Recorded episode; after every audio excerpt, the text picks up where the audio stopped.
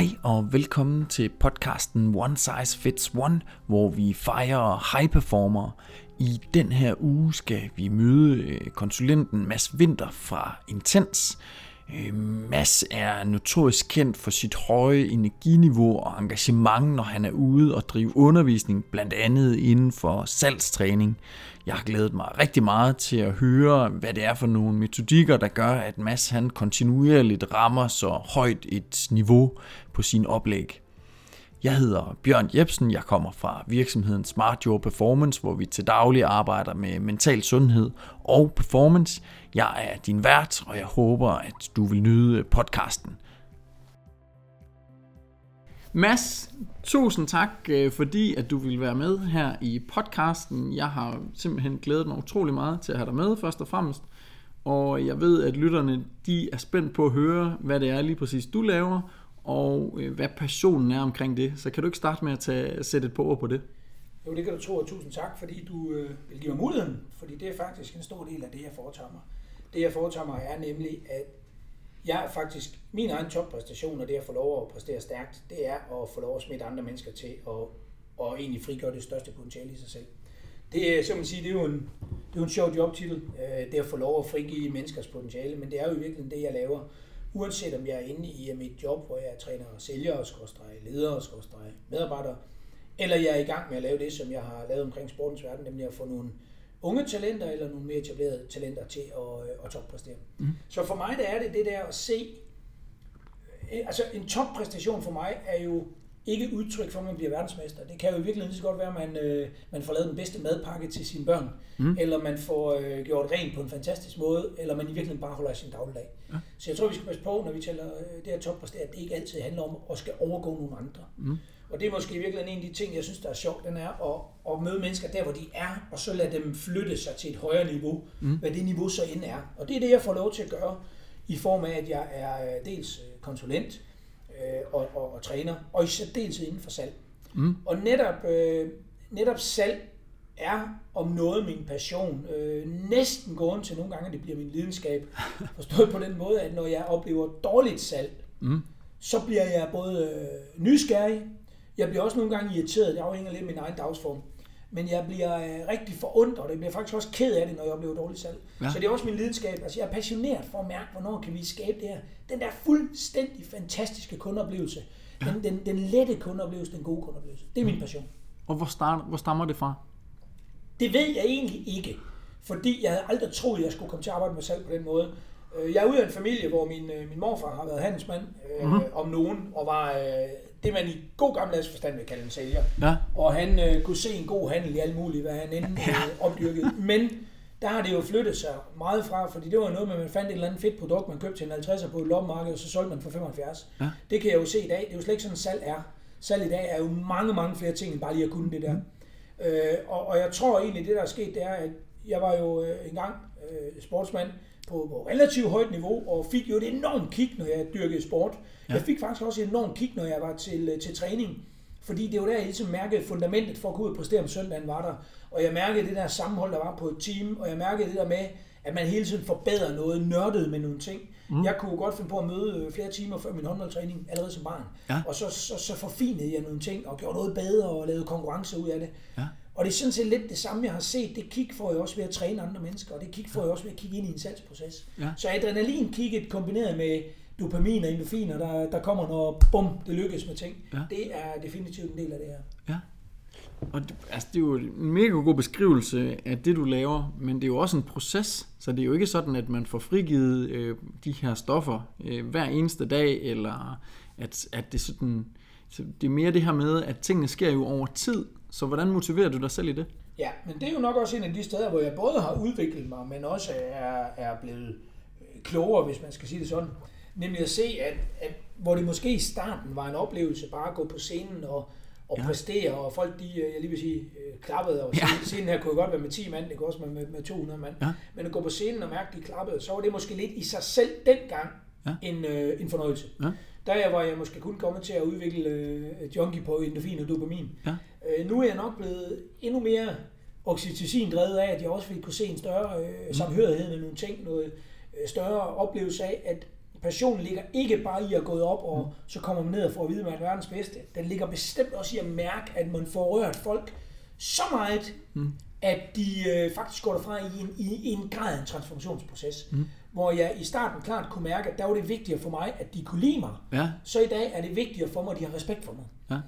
Øh, de, skal ikke, de skal ikke ikke kunne lide mig, mm. men de skal have respekt for mig. Det vil sige, de må godt mærke, at han var en lille smule hård ved os på den gode, fede måde. Mm. Øh, han gav os nogle tryk nogle steder, hvor øh, der, det var ikke så rart, når, de, når han trykkede, men det var sjovt alligevel. Mm. Altså kombinationen af sjovt og, og alvor, den, ja. den er helt central for mig. Fedt. Tak for den beskrivelse af din passion. Det er tydeligt at mærke, at, at der er noget, der ligger bag det her. Ikke? Og det tror jeg også, de fleste af dem, der kan øh, der har mødt dig eller set dig på scenen, kan ikke genkende til, at der bliver noget, lagt noget energi i tingene. Øhm, men hvis man nu tager udgangspunkt i, jeg ser dig sådan lidt som en virksomhedsatlet, øh, og atleter, de skal jo, de skal jo præstere. Øh, og i dit tilfælde kunne det være ret fedt at tage udgangspunkt i, sådan hvordan du gør før, under og efter nogle peaks. For jeg er godt klar over, at vi alle sammen har en hverdag af en eller anden art, men, men i dit tilfælde, jamen så er der ligesom en sportsmand, så er der måske en kamp om søndagen. Det kan være, at du så bare har fem kampe i anførselstegn i løbet af en uge. Men, men det kunne være fedt, hvis vi sådan lige så stille kunne bygge en, en viden op omkring, hvordan fanden er det, du rammer det niveau hver eneste gang. Øhm, så hvis vi sådan, så triller den en lille smule tilbage, og så ser jeg lidt på dine rutiner. Så, så hvordan, hvis du nu skal prøve at tage os igennem sådan en hverdags ja. aften, hvornår slutter øh, arbejdsdagen i og for sig for dig? Ja, men jeg vil faktisk godt lige starte en mm. lille smule andet sted. Meget gerne. Øh, så kommer jeg lidt tilbage til arbejdsdagen, fordi øh, det, det, der er jo en af de ting, som jeg jo både elsker og, og hader i virkeligheden, det er, når sportsfolk siger, at vi tager en kamp ad gangen. Ja. Fordi hvis jeg tager en kamp ad gangen, så er jeg ret sikker på, at der sker noget skidt i morgen. Fordi hvis jeg kun kan, kan se en kamp frem, ja. så tror jeg, det er et problem. Og jeg tror i virkeligheden også rigtig mange trænere fortæller noget, der ikke passer. Mm. Fordi selvfølgelig som træner sidder man og kigger på en hel turneringsplan, ja. og kigger på, hvornår kommer de store kampe, og hvornår kommer de lidt mindre store kampe. Ja. Det gør du også som konsulent. Ja. Så jeg er nødt til at kigge, og det er faktisk en af de ting, jeg har... Jeg ved ikke, hvordan det er kommet til mig, men det er måske mere for at gøre min hverdag, øh, hverdag nem. Mm. Og i bund og grund, så tror jeg faktisk, øh, det vil mange nok sige til mig ikke passer, men, men jeg er lyddoven. Mm. Og for at gøre min øh, dagligdag nem, så har jeg været nødt til punkt nummer et, at udvikle øh, rutiner. Mm. Og øh, punkt nummer to, øh, jeg har nødt til at kigge fremad. Mm. Fordi hvis ikke jeg kigger fremad, så får jeg lige pludselig mega travlt. Det var jeg ikke ret god til i skolen. Der var det jo noget med stilen den sidste dag. Ja. Og så alligevel kunne jeg jo godt se, når jeg virkelig præsterede, så var jeg kommet i gang med min opgave tidligt. Ja. Så det jeg i virkeligheden gør, det er, at jeg kigger først og fremmest i min, øh, min kalender. Mm. Og øh, det gør jeg hele tiden med et billede, der hedder øh, fremad kig, ja. og så et øh, kort, korttidskig. Og det vil sige, så kan jeg jo kigge hen over sådan en, hvis vi siger en måned, det kan være, at jeg har 15 øh, undervisningsdage på en måned, mm. så begynder jeg sådan at definere, hvilke af de opgaver, jeg kan tage øh, til, til et godt niveau, uden at skulle anstrenge mig voldsomt. Ja. Og jeg siger ikke, det bliver min, min frirum, men det bliver i hvert fald der, hvor jeg godt kan spille en kamp og alligevel restituere lidt. Mm. Øh, det vil sige, der, der laver jeg kun små øh, forandringer ind i. Der kører jeg i noget, jeg kender med nogle mm. små bitte forandringer. Ja. Kommer lidt tilbage til forandringerne. Den anden er, at jeg så under sådan en måned godt kan se, at her kommer nogle store peaks. Ja. Og de store peaks behøver sådan set ikke at være opgaven er nødvendigvis vanskeligere end mm. de andre, men det kan være en kompliceret målgruppe, ja. et ny øh, branche, jeg ikke har været inde i. Det kan være et sted, hvor jeg føler, at jeg skal bevise mit værd noget mere. Ja. Det kan være et sted, hvor jeg ved, der har været en konkurrent, som jeg har slået pinden, eller jeg skal slå en konkurrent ja. pinden. Så jeg finder sådan nogle steder, hvor jeg kan sige, at der er en 3-4-5 højdepunkter. Ja. Og, øh, og så er der nogle andre, hvor højdepunkterne er lidt lavere. Det er ligesom en bjergkæde. Der er både små, små pister, eller små øh, peaks og store peaks. Mm. Og når jeg så har de store peaks, så begynder jeg faktisk ret tidligt at gå sådan og definere mine mål for dagen, skrive mm. min plan ned. Så hvis jeg nu ved, at jeg den 18. i en måned skal undervise noget, der er et stort peak, mm. så allerede øh, en 3-4 uger før, der er jeg begyndt at lave min plan. Ja. Øh, og den justerer jeg faktisk øh, næsten altid helt op til øh, kampdag. Ja. Og mange gange, når mine kunder beder mig om at sende en præsentation i god tid, så får de altså at vide, det kan jeg ikke. Mm. Fordi en af mine rutiner den er, at jeg justerer næsten altid til ganske kort, før jeg går på scenen. Ja. Og det har jeg det godt med, fordi jeg føler selv, det bliver utroligt tidsvarende. Mm. Frem for det bliver det, jeg frygter mest, nemlig en pladespiller. Yes. Øh, det kan godt være, at der er en pladespiller alligevel, men, men jeg føler ikke, det er en pladespiller. Og det er måske det, der skaber det nærvær, som jeg ofte får at vide, jeg har på scenen. Omkring de små kampe, så prøver jeg at få defineret, hvilke kampe kan jeg lægge ind i kalenderen øh, og, og spille, uden jeg skal forberede mig vanvittigt meget. Mm. Så jeg får min træning, øh, eller forberedelse lagt væk fra dem. Mm. Og så har jeg nogle små spilleregler med mig selv. Og den er, at de store kampe, øh, dem spiller jeg jo selvfølgelig ofte med en form for et nyt repertoire, for der skal noget nyt på banen, eller jeg skal prøve noget nyt af.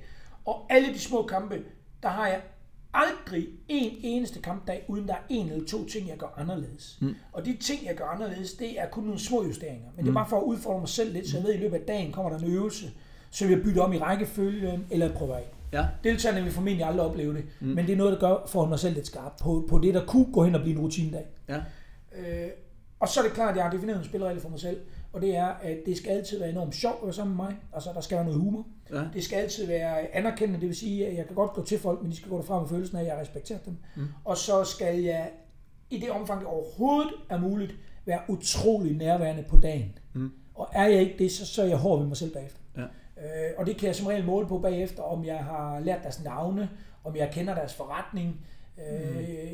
Jeg har altid navneskilt på, hvis det er en ny gruppe, men ja. ofte så lærer jeg navne igen meget hurtigt. Det er en måde for mig at træne nærvær. Ja. Fordi hvis jeg øver mig i at træne navne, så bliver jeg koncentreret. Ja. Så, så det er nogle små fif, jeg bruger på den lange bane. Ja. Øh, Inden du lige går ja. videre, så kunne det være meget fedt, fordi det her, du, du snakker om, da du startede, så var det jo sådan meget det her med at være dopamin-junkie, ikke? Det, der skulle være et kick i det, ikke? Men, men kan du se, at du også sådan en lille smule ligger det selv ind også, så ja. du reelt set trækker forberedelse. Jeg er godt klar, at du har forberedt dig meget, men den sidste forberedelse, den bliver også ligesom trukket helt ind til, for at du kan være sikker på, at du bliver holdt dig selv på, på navlerne, ikke? Jamen, det er helt klart, at øh, ved at jeg gør det, så, så, så holder jeg mig jo, nu siger jeg skarp, jeg holder mig i hvert fald fokuseret, mm. helt op til det sidste. Yes. Øh, og, og jeg kan jo nogle gange godt lide at have den store kamp at se hen til, fordi det gør, at jeg får en masse træningskampe, der egentlig skal føre mig hen til. Ja. Og der kan jeg så godt prøve nogle små ting af, der så skal føre op til den store ja, præstation, så samler jeg brikkerne. Ja. Og, og derfor er det også, det hårdeste punkt er definitivt, jeg havde faktisk lige sidste uge en uge, hvor jeg spillede tre store kampe ja. i træk. En tirsdag, onsdag og torsdag spillede tre store kampe. Og det er hårdt. Ja. Fordi der har jeg jo egentlig gået i lang tid og haft tre store peaks. Yes. Så fylder det godt op. Ikke? Ja, ja. Øh, og det har helt sikkert betydet, at jeg har været lidt mindre nærværende i nogle andre situationer. Ja. Fordi de der, de fyldte, de kom så lige pludselig også en aften, hvor jeg sad og kigger fjernsyn, så kommer de lige pludselig og siger, hov, der er den store kamp der. Ja. Øh, så begyndte de at fylde. Ja, fedt. Godt eksempel, det med fjernsynet også faktisk. Men det kan vi lige prøve at vende tilbage til lidt senere. Øh, hvis det passer nu, så må du gerne prøve at fortælle sådan, hvordan du forbereder dig, når det er, at du er helt op til dagen. Ikke? Så lige præcis inden du går på scenen i forhold til sådan et højt peak. Ja. Har du der nogle faste rutiner, ja. du griber an i? Det har jeg. Øh, for det første, så øh, som sagt har jeg min plan, og den plan er der mange, der siger, at den tager du nok bare by the book. Det gør jeg også, men den er som regel nedskrevet. Det vil sige, specielt min indledning er nedskrevet. Ja. Øh, fordi jeg ved jo godt, at øh, jo mere jeg får folk med fra start, ja. jo mere vil, øh, vil, det, vil, vil lettere vil det være hen ad vejen. Ja. Jo mere kredit får jeg til at kunne lave en, om ikke en fejl, så i hvert fald mindre god ting. Ja. Så for mig der er de der første moments, øh, hvis man vil sige det, et, et, et, et beginning peak, ja. det er faktisk helt vildt centralt. Ja. Øh, jeg skal gerne starte øh, sådan, at de kan mærke, ham der, han er med med sikker, han er klar, han er, han er, han er på. Mm. Jeg har tydeligt kunnet mærke de gange, hvor jeg går ind, ikke at gøre det, ja. så er jeg udfordret på en anden måde. Både ja. selv, men måske også nogle gange med rummet. Så for mig der handler det rigtig meget om, det, det betyder ikke nødvendigvis, at det er meget højt tempo, mm. men jeg er meget bevidst om min, min første øvelse, og min første kommentar, og min første skridt. Ja. Og så har jeg i forberedelsen også en, en tilbøjelighed til, og det kan jeg godt mærke, jo mere pres der på, så bliver jeg faktisk ret usocial. Mm. Øh, forhåbentlig ikke asocial, men usocial. Jeg er ikke så snaksalig. Mm. Jeg har brug for lige at være mig selv. Ja. Jeg har brug for lige at finde balancen. Jeg visualiserer en del øh, mig selv. Ja. Ik- ikke deltagerne. Jeg kan godt se deltagernes reaktion, men jeg er mere fokuseret på, hvad jeg lige at gå ind og gøre selv. Ja. Ned til, øh, hvor stiller jeg mig faktisk bare lige foran øh, podiet. Øh, hvilken flip starter jeg med at skrive på. Ja. Jeg går ned i nogle små detaljer, som sådan svarer en lille smule til det, en sportsmand jo nok vil gøre. Ja, jeg vil prøve at finde det der, det skal ikke være tilfældigt. Mm. Fordi hvis det er tilfældigt, så er der for mange ting, min hjerne skal koncentrere sig om. Yes. Og jeg tror på, jo mere jeg har fortalt mig selv det her, jo mere overskud har jeg til et sted. Mm. Det er i hvert fald den oplevelse, jeg har ja. øh, af, af de der minutter op til. Ja. Inden det sker, så øh, har jeg jo nogle ritualer omkring også min dagligdag. Jeg er meget øh, relativt punkt med min øh, søvn. Ja. Øh, den, er ikke, den er ikke ret meget over 10, inden jeg ligger i sengen, og jeg sover som regel inden klokken 11. Mm. Øh, og jeg er stort set hver eneste dag op, øh, meget punktligt, øh, omkring halv seks, og sidder som regel lige og har en time til jeg skal ud døren, eller afhængig af det sker, så kan jeg nå at lige lave nogle ting, for forberede nogle ting, kigge fremad. Mm. Så jeg er meget punktlig omkring min søvn. Og det betyder også, at øh, det betyder også, at den giver mig noget ro, for så skal jeg ikke gå og tænke på det. Ja. Så, så øh, der bliver sådan lidt autistisk næsten nogle gange, at, at, at det ligger i schema. Ja. Så skal, fordi jeg føler, at jeg har mere energi til de andre ting. Præcis. Ja. Øh, Så det er sådan oplevelsen af det. Ja. Og meget bevidst om, at min søvn er vigtig, for jeg kan jo tydeligt mærke, at hvis jeg ikke har sovet, så, øh, så er jeg bare ikke skarp. Det er jo ret naturligt. Ja, Ja. det må man sige. Sådan er det jo. Og så er jeg, hvis man tager ugeritualer sådan ind i det også, så øh, Ja, kan gerne. det godt være, at man skal... Altså, fri tid for mig er jo mere end det er fritid, så er det frihed. Ja. Øh, og frihed er jo, at jeg har at jeg har slots, hvor jeg kan tillade mig at tænke på noget andet. Ja. Det stiller store krav, for det betyder jo blandt andet, at hvis jeg tager en weekend, så har jeg, jeg har noget træning. Jeg, jeg dyrker motion primært øh, lørdag og søndag, fordi det er meget lettere at få det ind i en daglig for mig lørdag og søndag. Det ligger fuldstændig fast, at det er kl. 9 og kl. 9.30 en lørdag og en søndag, der er spænding. Ja. Ikke, ikke for at dyrke spænding som spænding, men fordi det er en nødvendighed for at holde mig Mm. nogenlunde i form. Ja.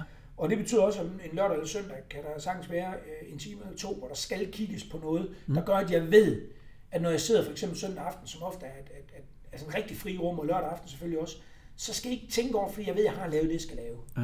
Øh, Så jeg sidder ikke pludselig hver søndag aften kl. 21 og finder ud af, at jeg ikke har forberedt mig til tirsdag eller til mandag. Mm. Det er meget sjældent, og, og jeg har det godt med, at jeg har den ro, fordi så, øh, så har det planlagt, så skal jeg ikke tænke så meget over det. Og det giver så i øvrigt sjovt nok luft, Mm, hvis der præcis. kommer noget uforudset, Ja. at jeg ikke er i sidste sekund med det. Så det har øh, klart været en, øh, en styrke for mig at få nogle ting sat i system eller ritual. Ikke? Ja. Du har selv været en lille smule inde på det, men har det altid været så stringent et eller andet sted, at, at tingene de skulle være i så faste rutiner? Jamen det tror jeg faktisk, det har. Men jeg tror, det er blevet mere bevidst. Fordi når jeg kigger tilbage til min barndom, så havde jeg faktisk mange øh, rutiner og ritualer Ja. øh, om, om, om, på forskellige ting. Jeg var jo bare ikke, jeg var ikke så moden, så ansvaret for at lave sine lektier og sådan nogle ting var jo lidt anderledes lavet. Men, men, men bevidstheden om, hvor meget det egentlig giver mig ro, Mm. og der vil sikkert sidde nogen, der siger, at det virker ikke for mig. Mm. Og så er sådan, det er helt fair. Ja, For ja, jeg ja. tror, uh, if it works for you, then it works. If it doesn't, then it doesn't. Men, men, men, men jeg kan mærke, at bevidstheden om, at de her ritualer giver mig frihed til at have fri, når jeg skal have fri. Ja. Og nu handler det ikke om fri tid, nu handler det om frihed for tankerne. Ja. De forsvinder. Yes. Og det betyder også, at jeg kan ofte sidde et eller andet sted midt i, midt i travlheden og være helt væk med den tanke, der hedder, at jeg skal planlægge noget. Den kommer ikke til mig. Mm.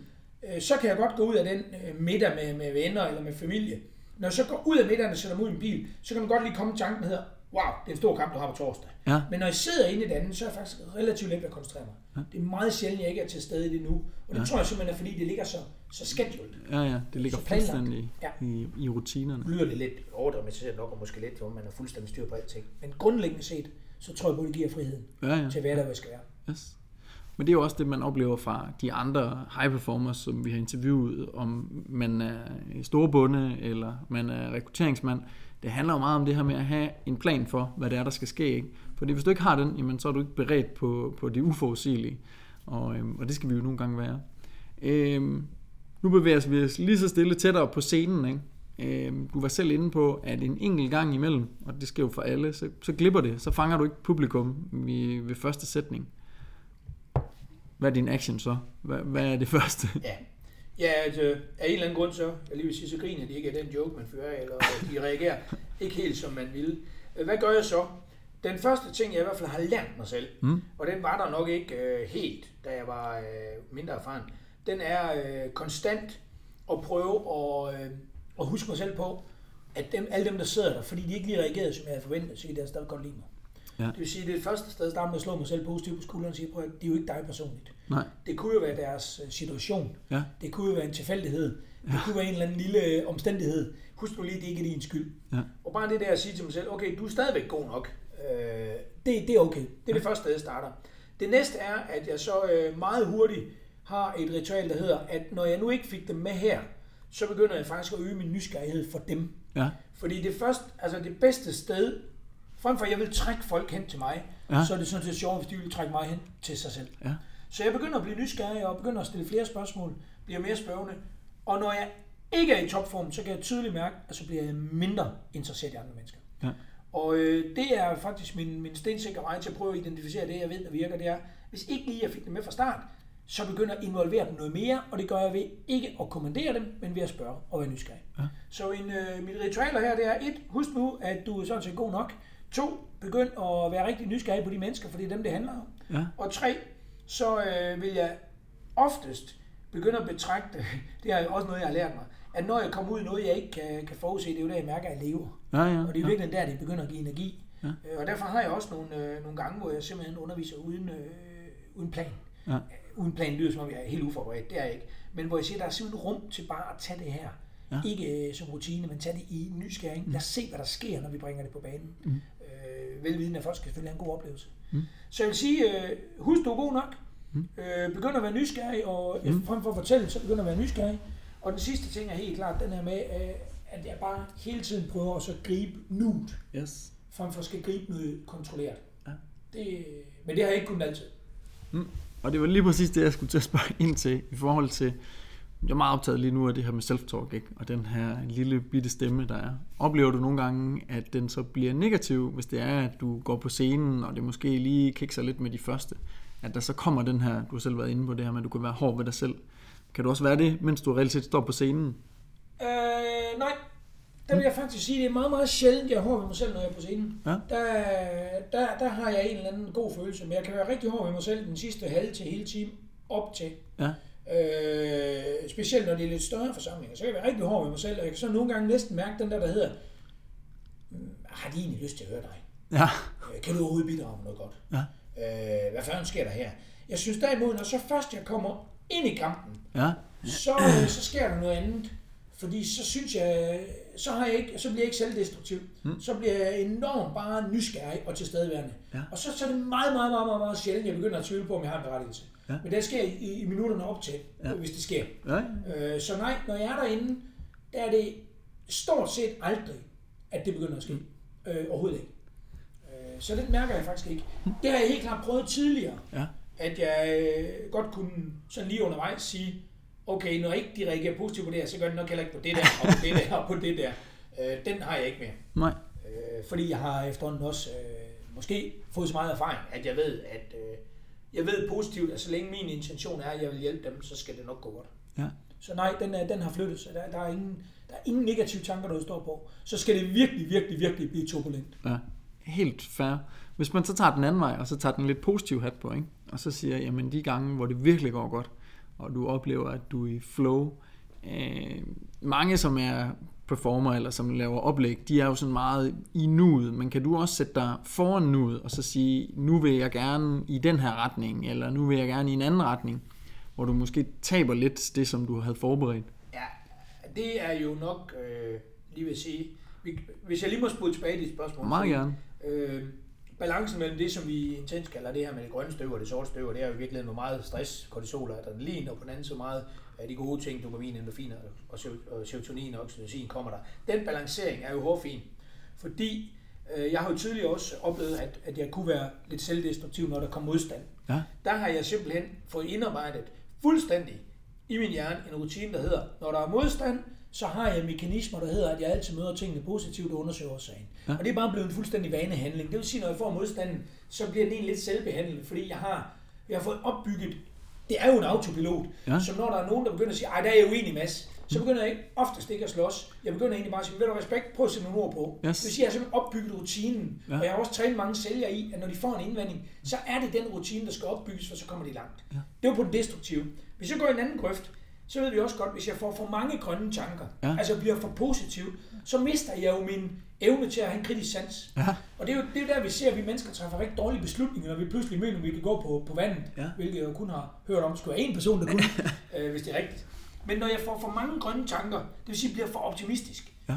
så øh, er det helt klart, det jeg kan mærke, der sker, det er, at jeg synes, jeg ejer rummet. Mm. Og så begynder jeg at afvige fra min plan. Yes. Og når jeg afviger fra min plan, så sker der nogle gange det, at jeg rammer en lille smule skæv på skiven. Mm. Og, og der er det jo godt at kunne kigge i min plan lige pludselig en bagside, prøv du, kom, du er ved at gå skævt. Ja. Og to, øh, den anden del er, at jeg rent faktisk kan komme tidsproblemer. Ja. Og så bliver jeg jo tidsoptimist. Ja. Og det er definitivt øh, de to værste ting, der sker, når jeg føler, at flow bliver for stærkt. Ja. Øh, altså det er simpelthen, det er for fantastisk det her, ikke? Så bliver det tidsoptimisme, og jeg kommer lidt for langt væk fra planen. Tiden er udfordringen her. Jeg skriver faktisk meget minutiøst, minutiøst ned, hvor mange minutter jeg har til tingene. Ja. Ja. Og jeg har også en plan. Og det får jeg virkelig brug for, når jeg begynder at komme ud af flow, kan man sige. Altså når flow bliver så godt, jeg kommer ud af flow. Ja, ja. Giver det mening? Yes, fuldstændig. Fordi det der, det er det er virkelig der, hvor jeg kan mærke, det bliver, nu er du for positiv. Ja. Det er for fantastisk. og, og, og, jeg mister jo tidsfornemmelsen. Ja. Øh, fuldstændig. Fedt. Så øh, jo, det kender jeg bestemt godt til. Ja. Og, og, og det er der, hvor jeg er glad for at have min plan og lige kigge og sige, hey, nu rammer du skævt på det her, du skulle ramme. Ja. Øh, og der kunne jeg jo blive i rummet sammen med de her sælgere i fire dage, øh, men de skal jo hjem kl. 16. Ja. Så kan det ikke nytte, at jeg lige synes, jeg har tre timer mere. Det er faktisk en af mine store, store, store værdier. Det er virkelig at prøve at overholde tidsplaner. Ja. Fordi det kan godt være, at jeg synes, jeg er i flow kl. 15.50, Yes. men der sidder jo en, der skal hjem og hente et barn kl. 16.15. Mm. Der sidder en, der skal ringe til en kunde. Der sidder en, der har fået at vide, at færdig kl. 16. Mm. Så jeg er... Jeg prøver at være meget disciplineret på tid. Mm. Fordi det, jeg mener, det direkte er uanstændigt Ja. ikke at være disciplineret på tid. Jeg synes, det er misrespekt eller disrespekt for folk. Øh, Så jeg prøver virkelig at holde tidsplaner. Jeg synes, det er, det er frækt ikke at gøre det. Og bliver faktisk selv lidt irriterende, når folk ikke gør det. Alright. Fedt. Så er vi jo sådan, hvad skal man sige, vi, vi er godt og vel øh, igennem et oplæg, eller en af de her peaks i, i ugen. Øh, så er det jo altid interessant, når man skal ned på den anden side af, af sådan et peak. Og det er jo der, hvor folk de virkelig kan have svært ved det. Så, så hvad, hvad gør du for, at du ligesom kan sige, at få ikke den her fritid, men frihed, som du beskriver det? Mm. Hvad, hvad gør du helt konkret der? Jamen, der er lidt øh, forskel på, hvad det er, jeg har øh, lavet, og hvor jeg er henne i verden. Mm. Fordi øh, den første ting, jeg kan sige, den er, man kan jo virkelig mærke, når man er færdig med det her, og måske spille, hvis man har haft en god, lang dag, så, øh, så pumper det jo bare med både det ene og det andet i kroppen af dopamin og endorfiner, men også af adrenalinkick. Og øh, der kommer jo sådan en blanding af... Man er jo nok i virkeligheden lidt manio på det her tidspunkt. Og øh, jeg tror faktisk ikke, man er særlig sjov få hjem. Jeg ved hvert fald mange gange, hvor jeg glæder mig over, at jeg skal køre hjem, eller jeg skal flyve en tur for at være hjemme. Ja. Fordi hvis jeg kommer hjem, og det har jeg også prøvet nogle gange, hvor jeg har kort transport, Ja. så kan jeg godt mærke, at min familie nogle gange siger, gider du ikke bare lige at stoppe, nu er du færdig med at undervise. Ja. Og det er fordi, der pumper det stadigvæk. Ja. Og jeg simpelthen ikke øh, faldet ned. Mm. Og derfor glæder jeg mig faktisk oftest over, at jeg har en, øh, en rejse hjem. Ja. Og jeg prøver faktisk øh, som det første, øh, oftest når jeg har undervist, så er der en, en ringeliste eller en øh, e-mail-liste, der er folk, der har ventet et svar i løbet af dagen, og ikke har kunnet få det måske for dagen svør, før desværre. Så prøver jeg faktisk at starte lidt med at sige nu, den, den, den lille udflyvning, det bliver til at få, øh, få vinklet nogle af de ting af. Ja. Få dem gjort. Ja. Fordi når jeg får dem gjort, så, så er de ligesom væk i systemet. Yes. Og i takt med at jeg bruger dem, så bliver det faktisk min landingsmetode, fordi så får jeg sådan talt mig lidt ned. Og så stille og roligt, så sker der det, at øh, så begynder jeg at have gennemført nogle af de ting, og så er jeg kommet lidt væk fra undervisningen, og så, afhængig af hvad resultatet af de samtaler har været, så begynder jeg at kunne lande. Ja. Og derfor glæder jeg mig faktisk ofte over at have en øh, rejsetid hjem. Ja. Jeg elsker at rejse, uanset om det er bil, eller det er fly, eller tog, eller hvad det er. Og nyder faktisk, så når jeg lige har fået lavet de der to-dos, så kan jeg godt begynde at sådan sidde igen og lægge planen for, hvad nu skal ske i morgen og i overmorgen, og lige kigge på den, har du styr på den plan, og så bruger jeg planen lidt til at lande. Ja. Og når jeg så kommer hjem, så er jeg meget ofte der, hvor jeg kan lægge tingene relativt hurtigt fra mig, Ja. og så er jeg til stede igen. Så er friheden. Ja. Så jeg skal fri af dagen, og det bliver ved at gå over i noget andet, Ja. som er en anden to-do. Yes. Øh, for hvis jeg fortsætter at blive inde i det loop, så kan jeg godt mærke, altså nogle gange skal man jo give en afrapportering til en, en anden konsulent, der er ansvarlig for kunden, eller man skal give en afrapportering til kunden. Og der kan jeg godt mærke, hvis det kommer til at tage for lang tid, så bliver jeg inde i loopet. Så kan jeg ikke komme ud i loopet, så bliver jeg inde i det der high kick der, der ligger. Okay. det er svært at komme ud af. Ja. Så i virkeligheden kommer jeg ud af det ved at gøre nogle to-dos, og så bringer jeg mig over i en anden fase, hvor jeg så begynder at kigge fremad. Ja. Øh, for så kommer jeg væk fra det. Fedt. Så det er sådan øh, typisk den måde, jeg, jeg, Ja. jeg, jeg fokuserer tilbage til det, jeg nu skal. Og altså, du er skide god til at sætte ord på de her ting. Men en, noget, der kunne være ret interessant, fordi det sker jo for os alle sammen, at når vi så sætter os og reelt set gerne vil være på den anden side, altså det her, man jo i gamle dage kaldte for work-life balance, som måske er lidt udfordret i de her dage, når man så ligesom er kommet i life, øh, men work så bliver ved med at, at dukke op, og de her tanker, de bliver ved med at vælte frem med, du skal også lige huske det, og har du så nogle teknikker, du bruger der? Ja, og øh, selvfølgelig sker det for mig, ligesom for alle andre, at jeg sidder med familien, og lige så hører jeg ikke, hvad der er i fjernsynet, eller jeg hører ikke, hvad de siger, og det er nogle gange siger, hvad svarer du på spørgsmål, eller hvor er henne? Selvfølgelig sker det. Ja. Jeg plejer faktisk ret hurtigt, når det sker, at skynde, og, skynde mig at finde et øh, stykke papir og en kuglepen. Ja. Fordi jo hurtigere jeg får det skrevet ned, mm. jo hurtigere kommer jeg væk fra mit hoved. Ja. Og der sker et eller andet underligt, at, at hvis det var en eller anden idé, jeg fik til en opgave på fredag, og det er tirsdag, øh, hvis bare jeg får den skrevet ned i stikord, så er den væk. Ja. Så får jeg den ligesom væk, fordi så kan jeg ikke gå mere ved den på det tidspunkt. Mm. Og så, øh, eller også få en kalender sat, eller Ja. ja. opgave sat. Jeg har, øh, i disse digitale tider har jeg stadigvæk ofte et, et ark med lidt håndskrevne, ring til, ring til, gør, gør, gør. Ja, Fordi så føler jeg, i det øjeblik, jeg skriver ned, så er det væk. yes. Så det er, øh, jeg er heldigvis ligesom alle andre mennesker, jeg kan også være øh, defokuseret og ukoncentreret. Men, men det første punkt for mig, det er at få det skrevet ned. Mm. Og det sidste punkt, det, det har jeg også lavet som fejl, men det sidste punkt, det er at begynde at diskutere det med omgivelserne, eller drøfte med omgivelserne. Fordi hvis der er noget, de der i hvert fald ikke gider på det tidspunkt, så er det, min familie skal høre om, hvad det er, jeg mig at lave på fredag. Ja, Øh, Så det, det har jeg i hvert fald lært mig. Lad nu være med det. Fordi der er en grund til, at de vil være sammen med mig om noget andet, eller de vil snakke med mig om noget andet. Så skal jeg jo ikke til at begynde at snakke om det, jeg skal lave på fredag, for det interesserer jo ikke dem synderligt meget. Mm. Så jeg skynder mig at få skrevet ned, så er det væk. Ja. Og det kan være, jeg er nødt til at lige sige. Jeg er nødt til at lige smutte ind på mit kontor. Kan jeg godt få at sige til familien. ja, 5 minutter, jeg skal lige skrive derned, så er jeg fokuseret igen. yes. Og så gør jeg det. Så kan det selvfølgelig godt nogle gange tage mere end 5 minutter, men oftest gør det ikke. Og hvad med, oplever du nogle gange, at kvaliteten af det, der så bliver skrevet ned, altså fordi så er det ligesom parkeret jo, at, at når man så ser på det næste gang, så var det måske ikke så god en idé, eller... Ja, altså det er jo klart, så, så har det jo flyttet sig igen, fordi nu har jeg jo mit notat, og, og, og så når jeg kigger på det næste gang, så er der jo måske sket et eller andet i opgaven, der er kommet noget ny information, eller jeg er blevet klogere, eller jeg har fået en ny erfaring. Ja. Ja. Så nogle gange finder jeg også, at jeg, det var egentlig en, det var faktisk en halvdårlig idé, du har fundet der. Ja. Men den kom lige til mig, og den skulle egentlig bare ud af hovedet. Mm. Øh, det er jo egentlig nok det, det handler om. Få ja. Ja. ud af hovedet. Det Fedt. tror jeg er det vigtigste. Ja. Øh, Det, det, er jo ikke let at, det er jo ikke let at give slip på noget, hvis det ikke det kommer væk fra dig. Nej, nej, lige Også sådan mentalt væk fra dig. En ting er fysisk, men også mentalt. Ja. Så, og, så, øh, og så tror jeg stadigvæk, at, at, at det her det er jo et punkt, vi alle sammen konstant kan arbejde med. Det er jo evnen til at, at slippe det, der driller. Ikke? Øh, Ja. det, det er jo, der vil jo komme noget til os en gang imellem, der hvor man siger, at det var ikke lige det, jeg havde forventet at få et budskab. Mm. Og der tror jeg bare, det er at blive ved med at huske på den der simple. Altså, jeg har en, øh, en god partnerkollega, som hele tiden siger, at husk ligegyldigt, hvor skidt det er, så står solen op igen i morgen. Yes. Og det tror jeg er rigtig vigtigt at huske. Altså, der er ikke noget, der er...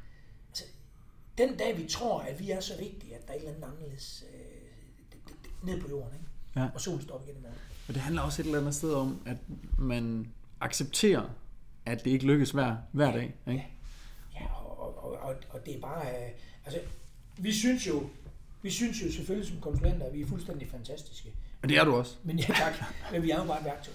Ja. Ja. Og det skal vi jo huske også, når de vælger os fra, eller har valgt en anden, eller vi taber en sag, eller på et hold, hvis jeg har 20 deltagere, så sidder der jo helt sikkert nogen imellem, som synes, de har haft konsulenter, er bedre end mig. Ja. Der sidder også nogen, der synes, jeg er fuldstændig fantastisk, og så sidder nogen, der er sådan lidt in between. Øh, Og det der at tro, at du ejer alle i et rum, Ja. hold nu bare op med det. Glæd dig over, at du ejer nogen, og så er der nogen, du, du ikke ejer. Ja. Og i øvrigt, øh, som, som man kan sige, vi ejer ingenting. Altså, vi tager fra uden noget. Mm. Vi kommer uden noget, vi tager fra uden noget. Ja. Så det der ejerskabsfølelse, måske dem, jeg har prøvet at, at lægge mig, det er at sige, alt hvad du har, det har du til låns. Det gælder også dine kunder, din kunderelation. Mm. Øh, det er nogle ting, du har til låns. Og på et eller andet tidspunkt skal du aflevere dem, enten når du selv forsvinder, mm. eller når de vælger at gøre noget andet. Ja. Og jeg tror, det skaber lidt frihed også, at man ikke skal gå med den der forpligtelse af, at man ejer noget, mm. men at du er bare til låns. Mm. Øh, det lyder lidt, det lyder lidt problematisk, men, men jeg synes egentlig, det giver mig selv en ro til at sige, at mere forpligtet er du heller ikke. Mm. Du er til låns, indtil de måske vælger at gøre noget. Ja. Og det skal man ikke tage personligt. Og det synes jeg, det har været en af mine store udfordringer tidligere. Ja. Det var, at jeg blev personligt lidt ramt af noget. Altså, hvis en dag ikke havde været god nok, øh, så var det jo ikke altid min skyld. Det mm. kunne jo godt være et eller andet, der var sket rundt om den gruppe, jeg skulle undervise. Ja. Eksempelvis var jeg for nylig ude og skulle undervise i to dage, og da vi starter op den første dag, jeg har en ledergruppe på, på 15 mand, og da vi starter den første dag, bliver jeg trådt til side af, af koncerndirektøren, der skal indlede, som så fortæller mig, at jeg skulle lige vide i morgen øh, kl. 12.30, ville de være nødt til at stoppe uddannelsen, og de ville offentliggøre en, en, en organisationsændring. Og det kunne jeg ikke sige til deltagerne, så i halvanden døgn måtte jeg undervise dem ud fra en plan, der hed, at vi skulle stoppe næste dag kl. 17, hvilket jeg så vidste godt ville blive 12.30, Ja. og jeg kunne ikke fortælle dem, hvad de skulle. Øh, og der er jeg jo nødt til at sige, når jeg pludselig er nødt til at stoppe 12.30, så vil det jo blive en mærkelig afslutning. Ja. Men det er jo ikke min skyld. Mm. Det er en omstændighed, det er en situation, der er opstået. Ja. Øh, og det, det, der nu er forbundet med, at de mangler nogle timer, eller der er sket noget andet, det kan jeg jo ikke tage ansvar for. Mm. Det er jeg blevet meget bedre til at sige, jeg gør det bedste, jeg kan frem 12.30. Derefter har jeg, har jeg ikke mm. mere på det. Jeg kan ikke gøre mere. Og hvis jeg har gjort det bedste, jeg kan, øh, med den størst mulige energi, med den størst mulige tilstedeværelse, så kan, jeg, så kan jeg ikke gøre mere. Lykkes det så? Ja, det lykkedes faktisk ret godt. Øh, det største problem var sådan at sige, at jeg vil, jeg vil gerne være blevet hos dem. Jeg vil godt høre, hvad de skulle høre. Ja. Det er jo min nysgerrighed. Ja. Sådan er det jo. Øh, Fantastisk. Vi er ved sådan at være øh, ved vejs ende. Vi har hørt, hvad du gør inden, og hvad du gør under, og hvad du gør efter de her øh, ugenlige peaks, du har. Er der noget, du synes, jeg mangler at spørge ind til omkring, hvad, hvad er hemmeligheden, når nu Mads Vinter går på scenen og, og lykkes hver gang? Altså jeg tror, hvis vi skal dele hemmeligheden lidt op i noget, Ja, så er der to ting, som jeg vil sige, de er jo så ikke en hemmelighed, når jeg har fortalt dem. Der er to ting, øh, jeg kan mærke, der er helt afgørende.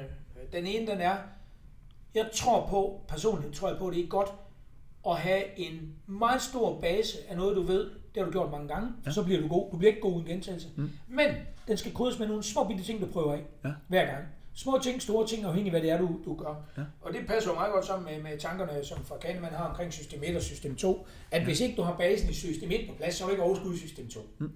Så det, det er i hvert fald den ene ting, jeg er helt, helt, helt stensikker på, det virker. Mm. Øh, den anden ting, som jeg er helt overbevist om virker, det er, at den dag, du begynder at mærke, at det, du laver, ikke er sjovt, hvad det så end vil sige. Mm. Selvfølgelig kan du have en mindre god dag, Ja. men den, der begynder at mærke, at der er flere dage, hvor du synes, det er lidt kedeligt, eller trivielt, eller øh, det ikke er spændende, begynder at overveje at gøre noget andet. Mm. Fordi du kan simpelthen ikke toppræstere den dag, du ikke mærker, at det kommer indenfra. Mm. Øh, og det betyder, at hvis det er en forfremmelse, eller en pose af penge, eller noget andet, der driver dig, så, så må jeg bare erkende, så tror jeg simpelthen på, at det kommer til et stop på et tidspunkt i at toppræstere. Ja. Fordi så bliver det aldrig en toppræstation. Det kan godt blive en god præstation, det bliver aldrig en toppræstation. Og det vil aldrig få peaks, for det bliver desværre alt for meget på det jævne. Ja. Så de to ting, det er øh, få en opbygge en stor base af noget, du ved, du bare kan, så Ja. du kan forfine, tilføre lidt nyt. Og så den anden ting, det er helt klart, mærk efter, om det er lidt sjovt. ja, Øh, det, det, det er afgørende. fantastisk. Tusind tak for det. Tak fordi du ville være med, Mads. Det var så let. Det har været en fornøjelse. Jeg håber, det kan bidrage til, til nogle andre mennesker, der bliver inspireret. Så Det kan det i hvert fald. tak skal du have. Tak. Kære lytter, tusind tak fordi, at du lyttede podcasten helt til ende. Øh, Skulle du nu ikke lige have fået alle af Masses pointer med i første omgang, så kan det anbefales lige at lytte til podcasten en gang til, for der er virkelig nogle gode takeaways at tage med fra lige præcis den her øh, podcast. Endnu en gang tak for din tid. Øh, jeg ser rigtig meget frem til at præsentere dig for den næste podcast, podcast gæst i næste uge. Hej.